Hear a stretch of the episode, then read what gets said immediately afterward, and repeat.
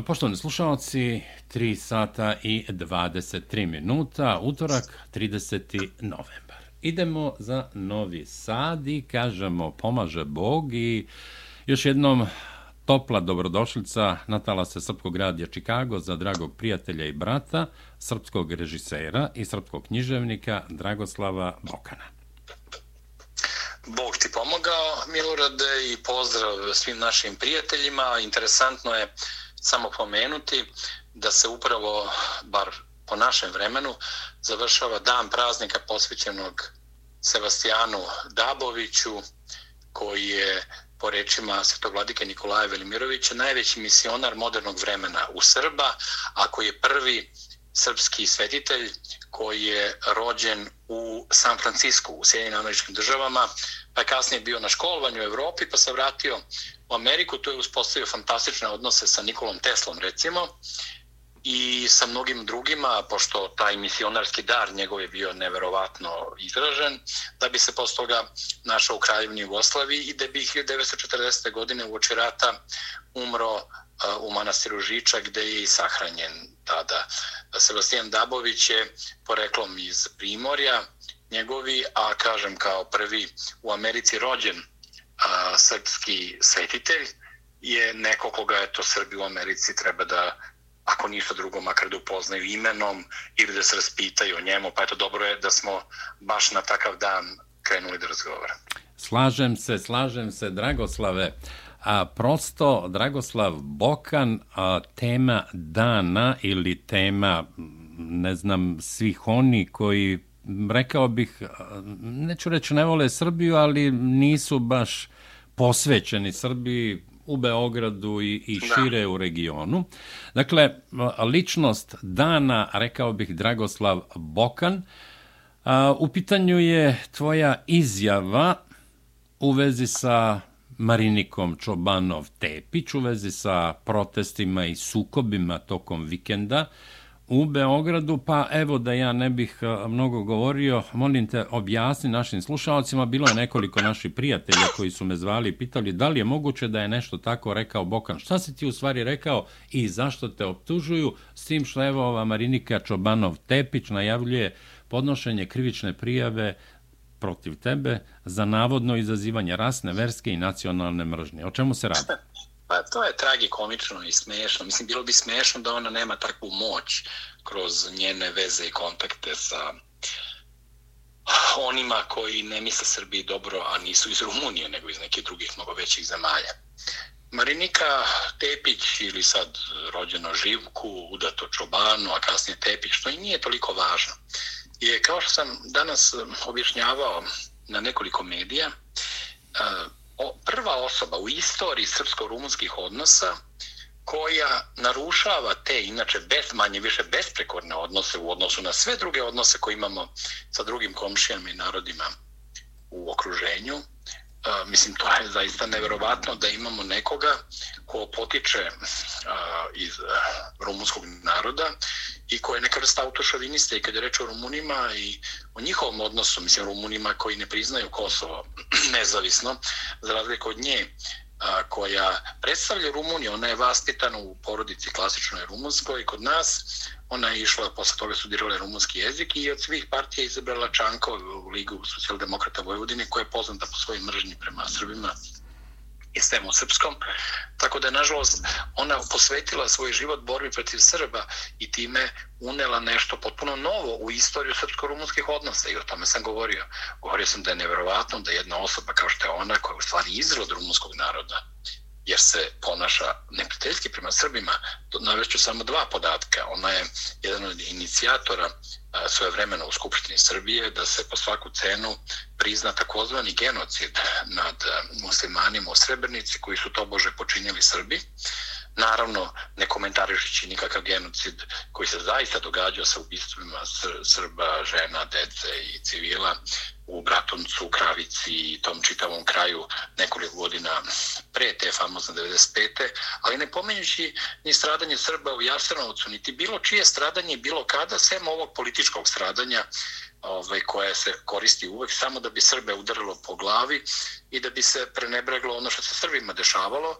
Ona je, nažalost, jedan od najvažnijih političkih promotera te ideje, kao i ideje nezavisnog Kosova, odvojenog od Srbije, za koju ona kaže da je to izvesnost i samim tim ona, ona se ne ponaša shodno onome e, što je državna politika Rumunije, koja je jedna od redkih zemalja u Evropskoj uniji, jedna od tih nekoliko zemalja koje ne priznaju nezavisno Kosovo, i time narušava jedan skladan, harmoničan, vekovni odnos između Rumuna i Srba. Eto, to sam rekao. I to je čitava priča. Naravno, oni koji brane Mariniku Tepić, oni koji pokušavaju nje da naprave vođu srpske opozicije i srpskog naroda u budućnosti, oni čitavu tu priču pokušavaju da spinuju da je preokrenu i da ispada da je umjesto što sam napadao Mariniku Tepić zgrožen time što ona kvari nešto što je, kao što sam rekao, već ono, za razliku od mnogih drugih odnosa sa drugim narodima, Bugarima, Hrvatima, ne znam, Mađarima iz, iz prošlosti, rumunski primjer je potpuno drugačiji beo i svetao i zato se tako ocrtava taj tamni odjek onoga što ona radi trenutno praveći haos na ulicama Beograda, Srbije, sve to bože u zaštitu kao ekologije srpske prirode, a u stvari u jednom brutalnom nasrtaju na državu, ne samo na vlast, nego na državu. Vlast može i samo da se brani. Nisam potreban ja njoj, niti se interesujem za to što se dešava sa vladajućom strankom ili ne dešava, ali kad je reč o interesu Srbije, onda se i kako osjećam prozvani. I onda sam to pomenuo u okviru jedne veće priče da sam govorio o pravljenju obojenih revolucija, o korištenju realnih razloga koje sve nas pogađaju, kao što su recimo ne znam, pitanje rudnika eventualnog u Jadru, pitanje sudbine. Rio Tinto.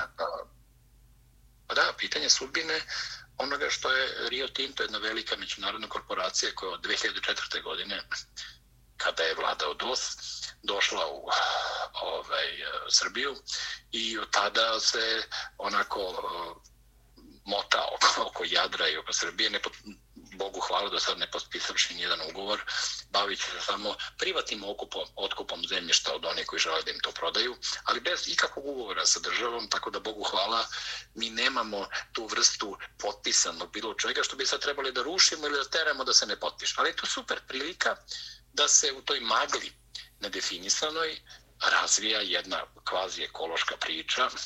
Tu imamo ovaj, kao glavne organizatore ljude iz neke organizacije koja ima tragikomično neko klovnosko ime Kreni promeni koja se nalazi na spisku onih koje finansira Rockefeller Brothers Fund, Fund i u toj, to se nalazi na njihovom sajtu, ne moramo da sad puno filozofiramo, kreni promeni sa crticom između.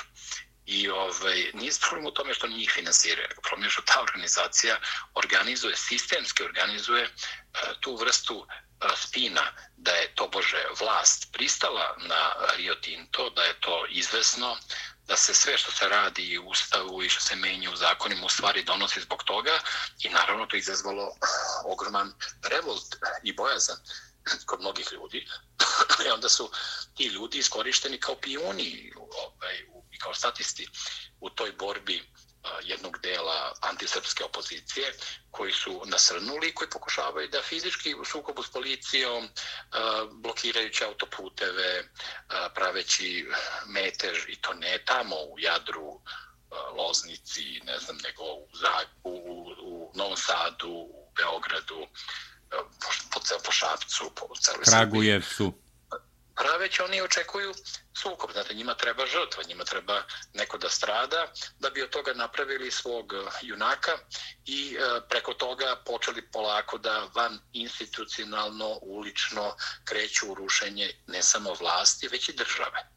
To smo već gledali 5. oktobra 2000. godine. Uverili smo se e, da, da sve to nije urađeno da bi odlaskom Miloševića se nešto bitno promenilo u Srbiji, nego je odlaskom Miloševića sve ostalo isto i još neverovatno, ali još gore, posebno kada reč o uništenju vojske, vojne tehnike, penzionisanju oficira koji su branili srpski narod, o uništenju bilo kakve mogućnosti da govorimo o stradanju Srba, e, o ukidanju priča o nacionalnom identitetu, izbegavanju korištenja Čirilice i sada ne gledam između ostalog i u moje zabrani. Ja sam skoro četvrt veka iz vreme Miloševića, ali nažalost i posle pobjede dosta bio zabranjen, pa čak i za vreme Vučića u prvih, ne znam koliko, 6-7 godina njegove vladavine, tek predno dve, dve ili tri godine sam dobio, Bogu hvala, priliku da na nekim od televizija od čega su neke sa nacionalnom frekvencijom, mogu da govorim o srpskim stvarima, srpskim problemima, udorima na Srbe, srpstvo.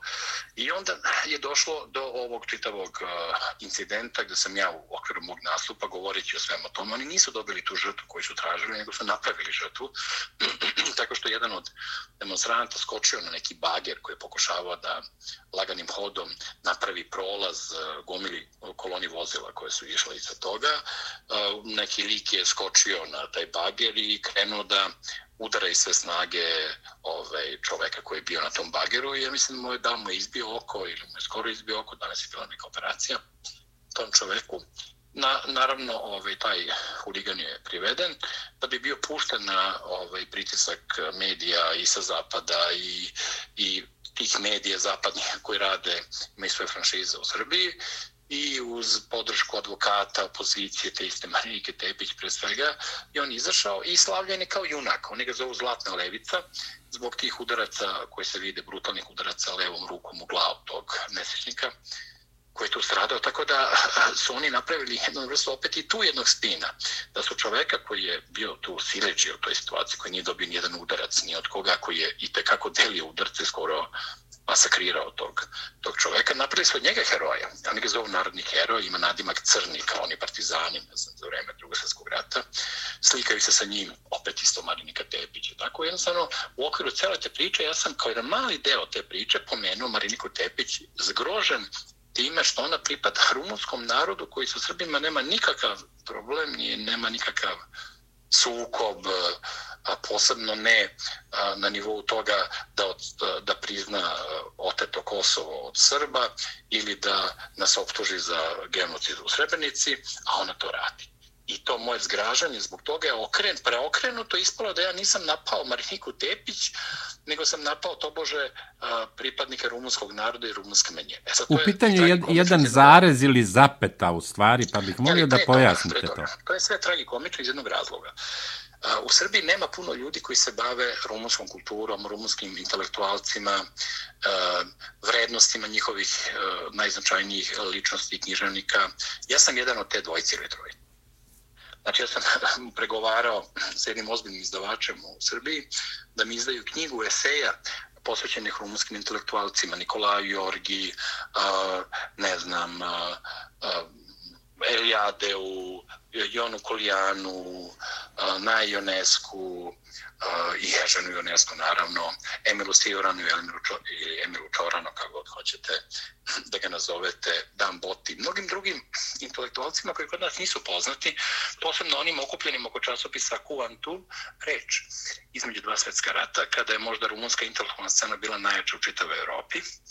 I sad ja koji se bavim njima, koji sam pre dve, tri godine organizovao promociju na sajmu knjiga na štandu, uh, rumunskom štandu, organizovao promociju jedne fenomenalne knjige prevedene na srpski jezik, koja govori o jednom mučeniku koji je posle drugog svjetskog rata stradao, knjiga se zove uh, Utamničeni svetitelj, o jednom mučeniku koji je stradao kao heroj u zatvoru, na robiji kao antikomunista, tamo je stradao, tako što su ga mučili do smrti, a on nikada nije hteo da popusti, nikad nije hteo da osudi svoje mučitelje i bio je pravi histoliki primer svima oko njega. I onda je monah Mojsej, rumunski, napisao knjigu o tome. Ja sam bio promotor te knjige i ovaj, govorio sat vremena o značaju te knjige. Moji prijatelji eh, iz Rumunije su u i Savča kući predanje, su izdali tu knjigu. Oni će kasnije izdati i knjigu, recimo, e, izabranih tekstova Patriarha Pavla i knjigu o Patriarhu Pavlu i mnogo dru mnoge druge knjige koje imaju neku duboku vezu da ja naravno u toj moje promociji govorim o bratskom rumunskom narodu, govorimo o duhovnosti koja može samo da nam bude uzor i tako dalje i tako dalje. Oni tu ništa ne znaju. Oni ne znaju da sve Adama, Pus Adama Puslovića, Vaska Pope, koji su živjeli e, i žive ovde, Marijane Dan, koja je profesor na Filološkom fakultetu u Beogradu, koja je pravila zbirke a, najlepših a, rumunskih a, umetničkih pripovetki, da ima samo nekoliko ljudi uz nas koji se bavimo intenzivno i ozbiljno se bavimo a, rumunskom, a, rumunskim kodom, rumunskim a, zavetnim duhovnim stvaralaštvo.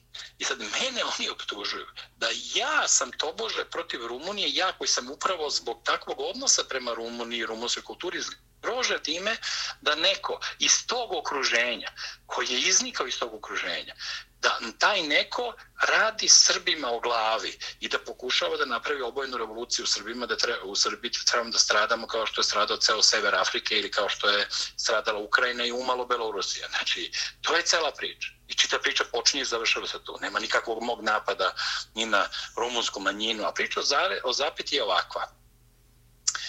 Znate, kada se vrši transkript sa nekog govornog teksta, onda naravno interpunkciju postavlja onaj koji vrši transkript, koji ispisuje šta je rečeno, tako? Tako je. I sad u, u tome kad vi to radite, jako je važno kako vi po, a, polažete interpunkciju. To je kao recimo kad vi koristeći određene reči sa zapetom ili bez zapeta dobijete popun drugi smisao. Znači ja govorim o tome da ona pripada, da ona nažalost pripada rumunskoj nacionalnoj manjini u Srbiji i da ona je ovaj eh, žena koja mrzi Srbiju, srpski narod, koja je otišla kod Čanka u njegovu stranku, posvetila se radu i borbi protiv Srba, tu prosperirala, prešla u mnoge partije. Sad nije ni bitno sve dalje.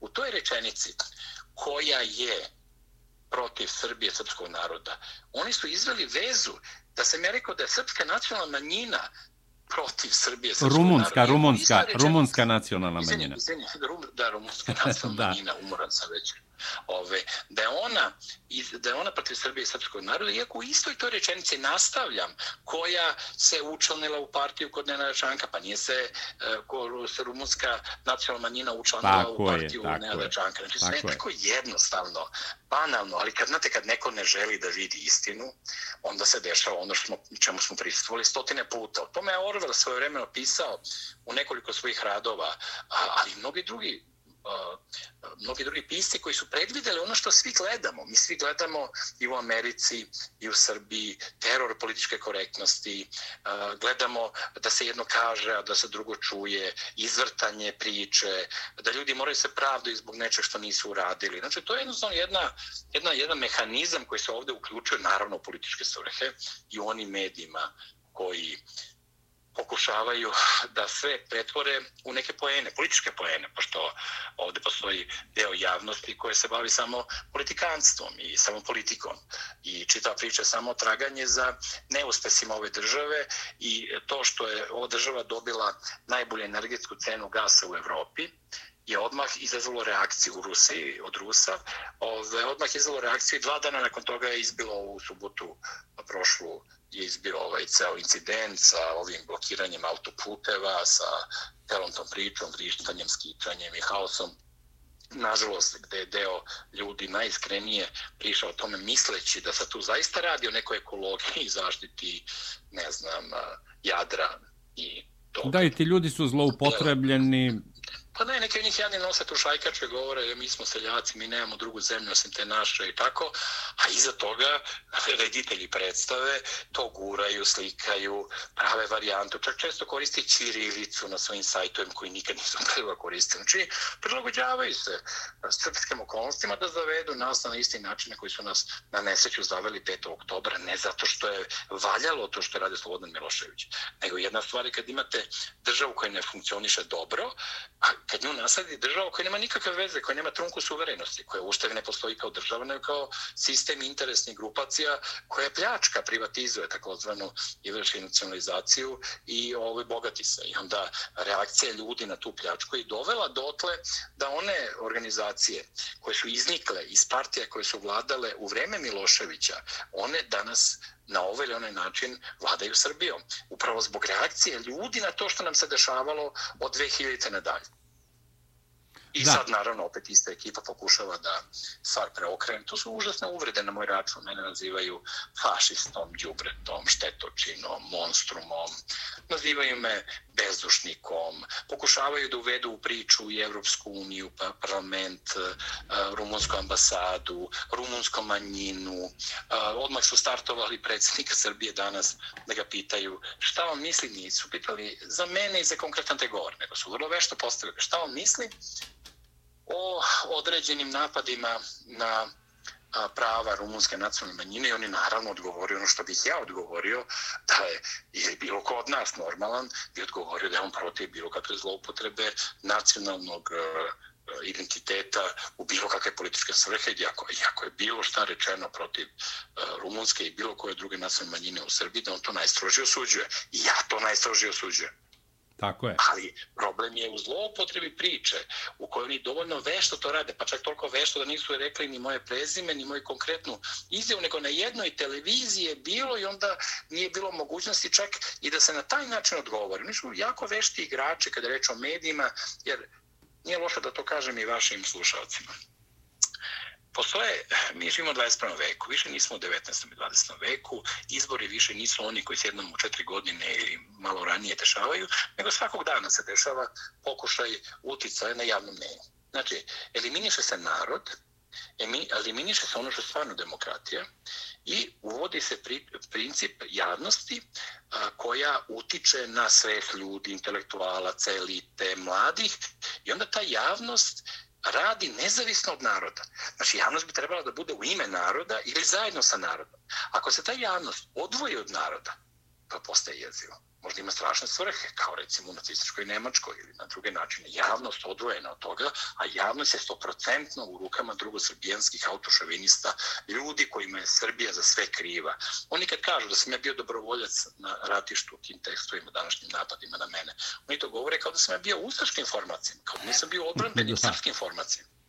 Da su ginuli ljudi, ginuli ljudi kraj mene, da sam mogu ja da poginem ta bezdušnost, ta, taj užasna kombinacija jugoslovenskog, jugoslovenske parodije srpstva sa nekim neotitoističkim, jezivim oblikom društvenog uređenja koje više liči na bečku operetu nego na komunizam. Sve to zajedno sa pri, nasilnom privatizacijom, sa uticajem stranih obeštenih službi, sa mržnjom prema Srbima i Srbiji, sa tom agendom da su Srbi krivi za sve, to je da je srpski nacionalizam uvek samo i jedino negativan i užasan, a svi drugi nacionalizmi mogu da budu pozitivni i negativni, svi sem srpskog. I to je bilo tako i u vreme Tita i posle toga i sve do danas. I tu nema meni ničeg čudnog. Ja se nikad zlu ne čudim, ne čudim se okolnostima koje dobro poznajem, zbog kojih sam i ušao u tu vrstu društvene borbe. Ja nisam ušao u političku borbu, nisam se učlanio ne sad u neku partiju i ja podržavam državu. Ne podržavam SNS, ne podržavam SPS, ne podržavam naravno ni Đilasovu stranku, ni Jeremićevu. Ne bavim se, Đilasa ne pominjem nikada, Jeremića ne pominjem pominjem, Boška Obradovića ne ne bavim se politikom, ali Marinika Tepić kao autošovinista i rumunski i srpski, koja uništava nas iznutra, govoreći su Srbi I uništava prijateljske odnose sa Rumunijom i A rumunskim narodom. A naravno, ona dovodi u pitanje te odnose, jer to Živku Čobanu, Živku je njenu devojačko, Čobanu je njen prvi supruga, Tepić je neki Srbin, njen drugi suprug, koja se razvela isto, nije ni bitno, neću da ulazim u njeno bračno stanje. Ja znam koliko su osjetljiva pitanja rodna, porodična, privatna, nacionalna, ja to sve znam, nisam ja pao s kruške, ali ja ne mogu da ne budem revoltiran da neko kvari odnose koji su vekovima postojali uprkos iskušenjima kao što su Balkanski ratovi, Prvi svjetski rat, Drugi svjetski rat, je. dešavanja 90. godina. Dve srpske kraljice rumunskog porekla. Da odnose sa tim i takvim Eh, rumunima i rumunskom manjinom i Rumunima u Rumuniji. Meni je zastrašujuće da neko to gazi i da se ponaša kao idiot, da se ponaša uh, u narodu koji ju je prihvatio, u narodu koji je zajedno sa njom živeo uh, i, nažalost, narodu koji je jednu svoju jezivu partiju koju vodi, koju vodi Lički Srbin iz Novog Sada, Nena Čanak, antisrbin najužasniji koji još krajem 90-ih i početkom 91. godine bio onom čuvenom čuvenom Stankarijevom domu kad je bio onaj veliki, da, prvi veliki da. anti, anti-srpski, anti-jugoslovenski skup. On je došao tamo mrtav, hladan da bude sa neprijateljima. On je čovjek učestvovao u, u priredbi Hrvatski Srem. On odlazi u Zagreb da bi, ili ne znam koji grad u Hrvatskoj, da bi tamo učestvovao. On je čuven po svojim izjavama. On je skoro bio u Nacetinju učestvovao sa on, zajedno sa onom ekipom montenegrinskih mrzitelja svega srpskog i pravoslavnog koji su upalili gume. On je bio tu zajedno sa njima. On je bio njihov gost tamo. Znači, jedan, i naravno, on, on je delimično uz vlast on pripada onim neobičnim likovima koji se tu negde pokušavaju da budu svaku vlast, ne ovu prethodnu, predprethodnu, da bi imali neke svoje gradske šeme, neko gradsko preduzeće koji, koje će parazitirajući da crpe i da žive od toga. Znači, on je jedan neobičan lik koji čak ne pripada ni opoziciji, ni vlasti, nego on parazitira u tome i skuplja mlade ljude različite i pravi haos on podbunjuje nacionalne manjine, on traga za autoševinistima u našem narodu, on pokušava da Jugoslovene okrene ka Srbima, on daje ludačke izjave, nas sve nas koji se borimo protiv onoga što on pokušava da uradi sa Srbijom i sa Srbima, on nas naziva fašistima, on koji razbija tablu televizije, koji vređa, koji bije štapom ljude uz pomoć svog obezbeđenja, koji se družuje, kao što sam priznaje, bio kum sa jednim od glavnih narkodilera u Vevodini. To je sve besmislen, vi ne možete ništa jednom čoveku koji je tako utkan u društvo, u sistem, u medije, a uz to je svoje vremeno bio i šarmantan, duhovit, svira tamburicu, ume da se smeje, učestvu u reality show programima. Pravi kobasice, suši šunke. Pa ne, on je, on je kombinacija to kuvara, klovna, a, jednog zlog autošoviniste. Gargamela. On je, on je čovjek iz krajine. On, mislim, njegovi su roditelji autonomaši koji su poreklom iz Like. To je porodica kao i moja Bokan iz Like i njegova čanak isto iz Like, ali je nažalost se ono predelio, on je isto. Taj autošovinista koji, to je mene isto jezivo da Srbi iz iz krajine poreklom rade protiv srpskog naroda. Tako isto mi je jezivo da i Marinika, koja pripada rumunskoj manjini, oni, oni svi se ljuti, što me rekao i po majci i po ocu. Pa naravno, ja naglašavam upravo to, da ona žena izašla iz rumunskog gnezda da bi plunula na to gnezdo i da bi postala izrod sopstvenog naroda i da bi počela da organizuje nešto što može na kraju da se loše završi po srpsko-rumunske odnose, ne samo danas i sutra, nego i u budućnosti. Tako znači, to je cela priča, jednostavna, lako dokaziva sa materijalom kriminalom. I kad se kad čovjek vidi šta oni govore o meni, da me treba uhapsiti, da me treba osvojiti na deset godina robije, da ljudi kao ja ne treba da žive i da e, imaju pravo glasa. Šta oni rade? 25 godina pod Miloševićem i posle njega su oni uspeli da ja budem bez prava govora u javnim glasilima. Iako se pokazalo da kad god učestvujem u javnosti, da dostižem određenu popularnost, da su to veoma, veoma gledane i slušane emisije među najgledanijim i najslušanijim od svih. Ali ja sam bio četvrt veka zabranjen I sad ti isti koji su me zabranjivali, koji su sad trenutno opozicija, oni hoće sad po drugom osnovu nekom spinovanom, opet da me zabrane. I da ja i dalje čutim i da glas naroda, ne samo te javnosti kojim oni raspola, raspolažu, barataju, u sve te moguće grantove, stipendije, eh, financije koja, koje se slivaju ovde, pošto mi, nažalost, u našoj državi nemamo te stroge zakone protiv nevladnih organizacija kao recimo u Rusiji i nekim drugim zemljama, ali najgore... Pa i ovde u Sjedinjenim američkim državama također. Svi koji su finansirani izvana, oni prosto ne, ne mogu da egzistiraju ovde. To kod nas se, nažalost, još 5. oktobra a i pre toga, je to postalo nešto uobičajeno. A sad šta je tu problem? A i neki je uobičajeno. Ali ima, nešto, ima neka dva mala pravila na tih par strana tog zakona o nevladnim organizacijama, jer ja imam isto nevladne organizacije koji se zove Institut za nacionalnu strategiju. I sad šta oni rade? E, samo su dva uslova za nevladne organizacije. Jedan uslov je da, ne krše, da se ne krši ustav, a drugi uslov je da se ne krši teritorijalni integritet Srbije. I sad kad bi država krenula da gleda ko od nevladnih organizacije govori o tome da je Kosovo nezavisno i priznaje nezavisno Kosovo i time ugrožava teritorijalni integritet Srbije i ustav Srbije, oni bi imali sva moguće prava da samo ta dva uslova, oba oba prekršena. Da 90% ili možda više procenata tih nevladnih organizacija zbrišu i da ih ukinu zbog, to, zbog načina na koji se oni ponašaju u odnosu na ta minimalna pravila. Ali ako to urade, doći će napadi iz Evrope, iz sveta, govorit će se da se ovde ugrožava demokratija, da nema ničeg liberalnog, da se vraćamo u 90. da se ponovo pompirio Milošević ili bla, bla, šta god bilo. I to je problem, što vi ne možete ni da branite autoputeve, državu, ni da uradite nešto, ni da promenite nešto. Znači, onog sekunde kad bi sad oterao Rio, direktno oterao Rio Tinto, predsjednik Srbije, što bi mu ja naravno uvijek savjetovao, kad bi mogo da ga savjetujem. Ja bi mu to savjetovao i kad bi suspendovao neke zakone koji su doneseni, koji ne zloupotrebljavaju, govoreći da su oni sigurno doneseni da bi dali Rio Tintu mogućnost, opet bla bla, I kad bi sve to uradio, ide nova tema, nova tema, nova tema, nova tema, nova tema i napadi se sistematski napad. Ono, kao, kao kad onog Ulivera gomila malih zavežu, zavežu za zemlju. Da, da. On je vezan. Liliputanci.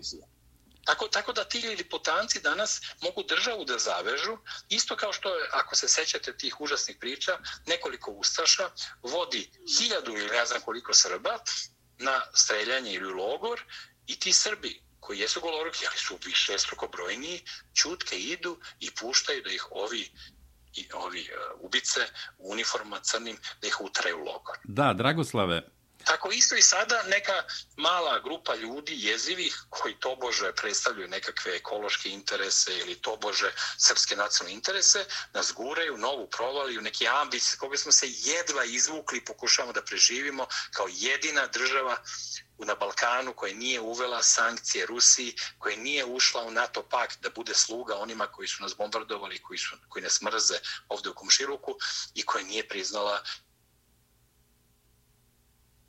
Da, evo imamo mali prekid. Dragoslave, pretpostavljam da ćemo za par sekundi da se čujemo. Da, Tako da, eto, mali to, prekid, da. A, Dragoslave, a, imamo par minuta da samo pustimo nekoliko vesti, ali ja bih hteo da, da ti kažem sledeće. A, tokom a, ovog razgovora a, dobio sam nekoliko o, tekstualnih poruka, odnosno tekst poruka, pa evo samo ću poslednju da pročitam.